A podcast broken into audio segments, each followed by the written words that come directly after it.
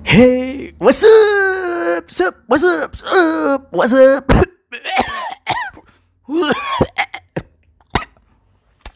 ah, elah, emang gak cocok jadi youtuber ya gini lah. Halo, selamat malam para masyarakat new normal. Gimana kabarnya? Gak jadi new palapa kan? Eits, daripada di kamar megang benda gak jelas. Yo, benda apa yuk? Mending dengerin cerita gaji kali ini yuk. Oke, mari kita seruput saja ceritanya ya guys.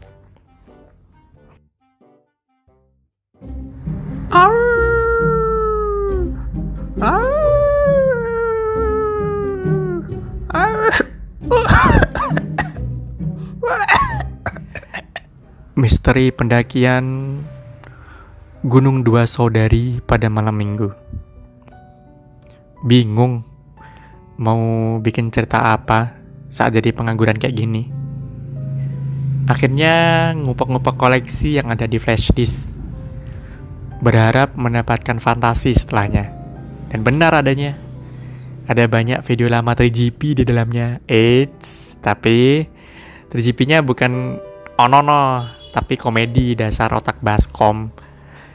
Saat lihat-lihat, aku dapatkan koleksi foto lama yang ada cerita sedikit berbau-bau sangit saat mendaki Gunung Dua Saudari beberapa tahun lalu. Beberapa tahun lalu, saat masih banyak waktu luang, bisa dipastikan saat menjelang malam minggu saya selalu menghabiskan uang cuma buat wanita gondrong. Eh, banyak waktu luang. Kayaknya dulu pengangguran deh. Ya, tiap hari waktu luang lah. Dan terkadang aku mendaki gunung dua saudari saat aku gak punya duit. Jika boleh berbangga diri nih, aku udah menggerayangi dan menjajakinya 8 kali. Gunung loh. Satu kali gagal sih. Tapi pertimbangannya selain karena hal yang bersifat duniawi, tentu saja pada malam minggu bisa pastikan ramai.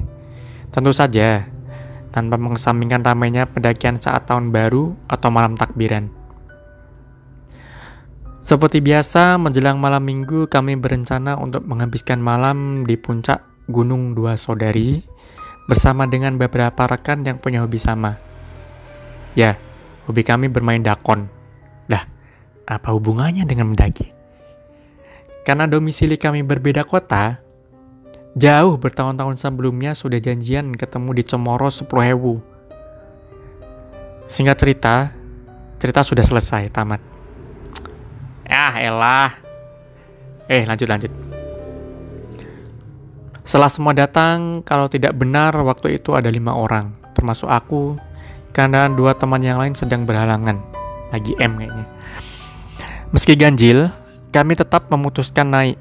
Meski mitosnya, jika ganjil akan ada banyak hal kejadian yang ganjil ya kayaknya dalam pendakian ini.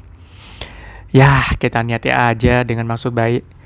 Barangkali nanti di perjalanan dapat utangan kan? Mayan buat pengangguran nambah-nambah. Buat beli beras. Jam menunjukkan pukul 4 sore. Kami berlima memutuskan naik dengan pertimbangan sebelum ujian nasional sudah mencapai puncak. Eh, emang ada ujian nasional? Oh, gak ada ya? Kan pandemi.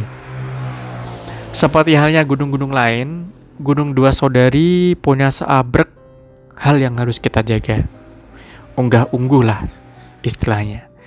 Saking banyaknya pendaki pemula, saking banyaknya pendaki pemula banyak yang urung naik. Karena grogi akan mitos yang ada di Gunung Dua Saudari yang banyak. Meski demikian, banyak pendaki yang berasumsi jika Gunung Dua Saudari adalah salah satu gunung yang paling indah di antara gunung-gunung yang lain. Hmm, seperti apa ya gunungnya? Hal ini tampak dari permukaannya. Hmm? Apa? Sebelum saya majukan cerita, lebih lanjut, mari kita kenali gunung dosa dari ini. Wah, mantap ini, oke, mantap. Siapa tahu, eh, siapa tahu di antara kerabat Silama Kamalakama yang belum mengenal gunung ini bisa mengenal lebih dekat. Gunung Dua Saudari seperti yang saya bacakan di atas berdiri kokoh, tegap, dan mantap pada ketinggian 3400 meter di atas permukaan laut. Ini sudah cukup besar hingga membuat kita melongo kan? Hmm, mantap. Letaknya Gunung Dua Saudari berada di Kabupaten Sange, Provinsi Kufukilan. Artinya, gunung ini keberadaannya seakan sebagai pembatas dunia nyata dan dunia fantasi. Gunung Dua Saudari mempunyai dua puncak. Puncak yang pertama namanya Hargo Beho dan yang kedua Hargo Kimplah Kimplah. Nah, yang terakhir ini pu punya yang terakhir ini ternyata punya tertinggi ya di cerita ini. Gunung Dua Saudari menyimpan misteri pada masing-masing puncaknya dan dimitoskan sebagai tempat sakral di tanah Kufukilan. Hargo Beho diyakini sebagai tempat Mbah Sugiono menemukan jati dirinya. Dan Hargo Kimplah Kimplah merupakan tempat penuh misteri yang sering digunakan sebagai ajang drag sepeda motor dan tempat KKN di desa penjoget. Yo yo, kembali ke cerita lagi. Setiap gunung mempunyai pantangannya sendiri. Percaya tidak percaya, toh tidak larangan kalau kita boker jongkok di WC duduk kan? Yuk, pasti kalian pernah kan ya boker jongkok di WC duduk? Sering ya, belepotan. Temanku saat itu masih uh, menjaga di pintu pendakian untuk menunggu kami.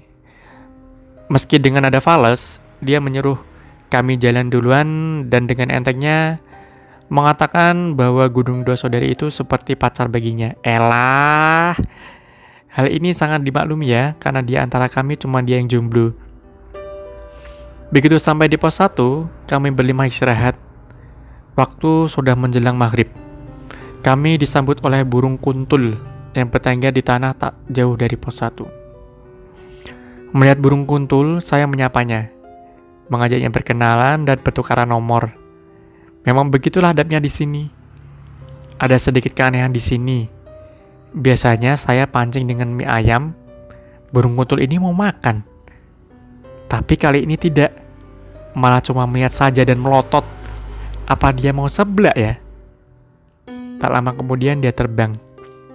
Ini burungnya kok aneh kali deh. Suka makanan manusia ini. Mie ayam lagi mau juga lah. Setelah sebagian dari kami sholat maghrib, kami meneruskan perjalanan. Keanehan-keanehan mulai menyertai perjalanan kami. Belumlah sampai pos 2 kami mendengar auman harimau. Hal ini sudah tidak masuk akal. Kami hanya saling pandang dan melihat ke arah bojong. Ternyata Ah, itu suara HP-nya si Bojong kenyot. Emang sialun si Bojong.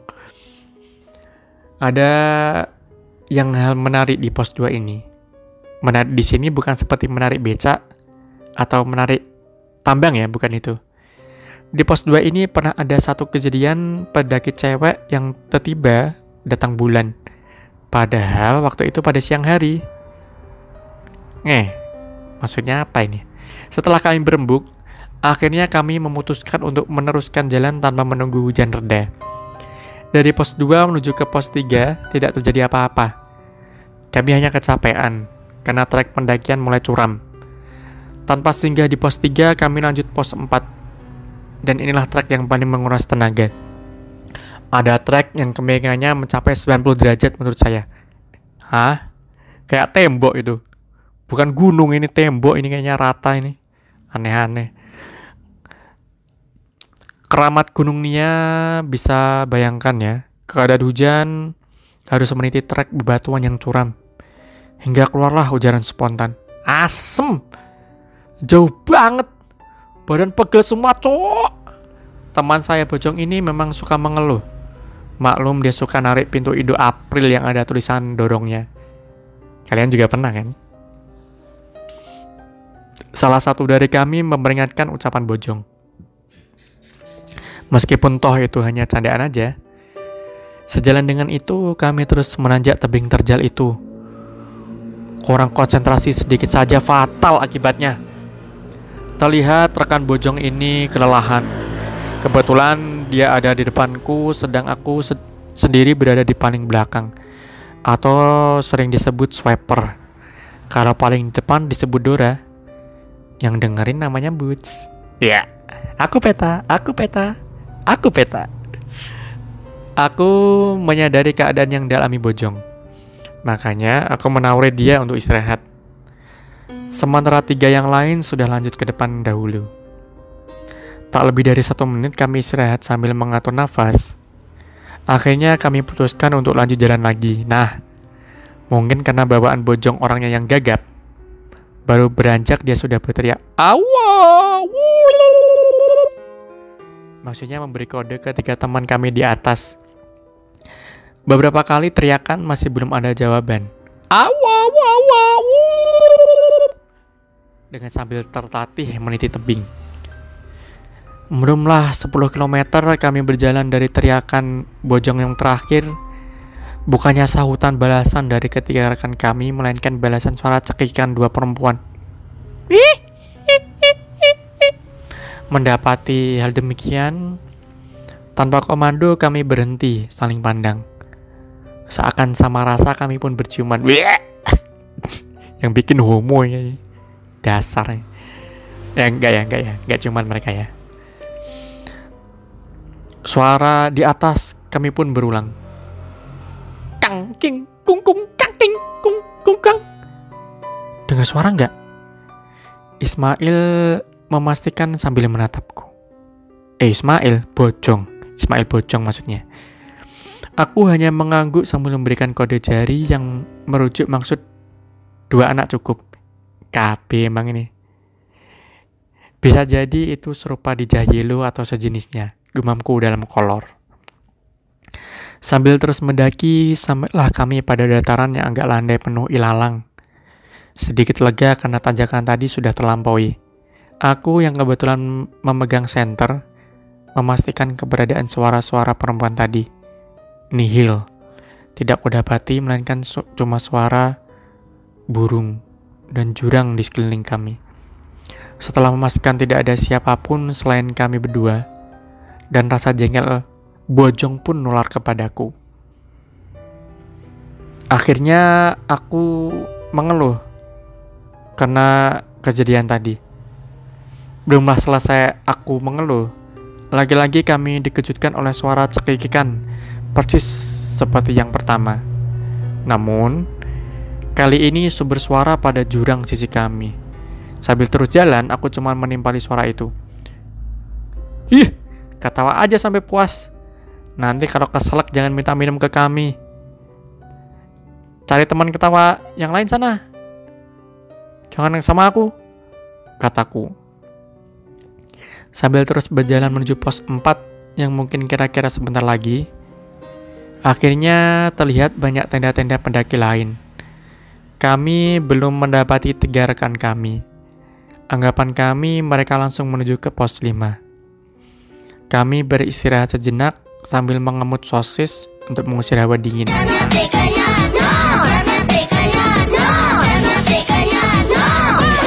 Hah? Sosis kok diemut?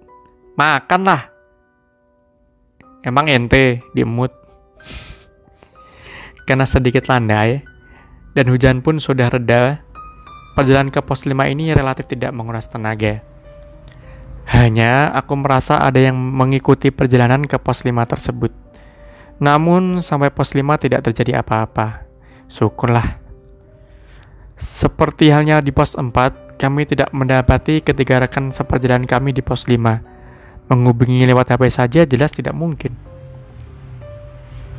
Karena tidak mendapati mereka dan sudah mencarinya men di sekitaran tempat tersebut, dan ternyata tidak ada juga keberadaan mereka.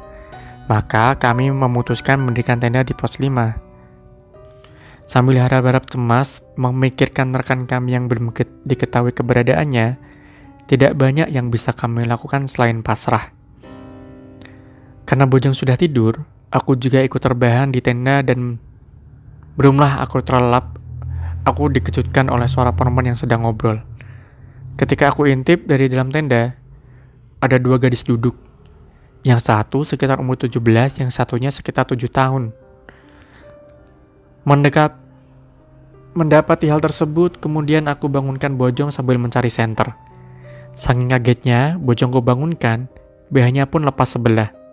Eh, Jong, ente waras kan? Kami berdua lalu mencari keberadaan dua gadis tersebut. Eh, ternyata sudah tidak ada lagi tempatnya. Kami positif thinking aja bahwa kedua gadis tersebut sedang mencari jodoh. Atau bapak ya mencari bapaknya kayaknya, si Toying. Jarum jam menunjukkan pukul 1 dini hari. Ketiga rekan kami sudah sampai di pos 5. Terlihat wajah jelek dan kelelahan seperti hanya kami. Mereka juga mengalami hal aneh. Pagi itu sambil menikmati sarapan soto ayam berbentuk mie instan tapi ya. Kami saling bercerita. Rupa-rupanya Ketiga rekan kami hampir disesatkan oleh arahan orang gila yang duduk-duduk tak jauh dari pos 4 ketika menuju pos 5. Mereka disesatkan hampir sampai di gua di Bukit Saudari dekat Sabana, Onana. Lagu ini. Seperti yang aku tahu, tempat tersebut adalah pasar swalanya Gunung Sedua Saudari. Tragisnya, mereka lupa bawa uang. Ya iyalah. Ngapain bawa dompet ke gunung? Eh, bawa deng buat ngasih angpau. Beruntung ada bapak-bapak penjual di warung pos 5 yang malam itu hendak turun. Mungkin bapak-bapak tadi melihat jalan mereka melalui sorot HP yang mereka bawa, kemudian diteraki. YouTube lebih dari TV. Banyak artis di YouTube, kata bapak itu. Syukur, ketiga rekan tadi langsung teriakin bapak tadi. Suwe, kampret emang. Banyak artis juga sekarang ya masuk YouTube. Setelah putar balik dan ketemu sama bapak-bapak yang meneriaki tersebut, mereka diberitai kalau rute mereka salah. Itulah sekelumit cerita tentang pengalaman yang tidak kualami. Semoga tidak bermanfaat.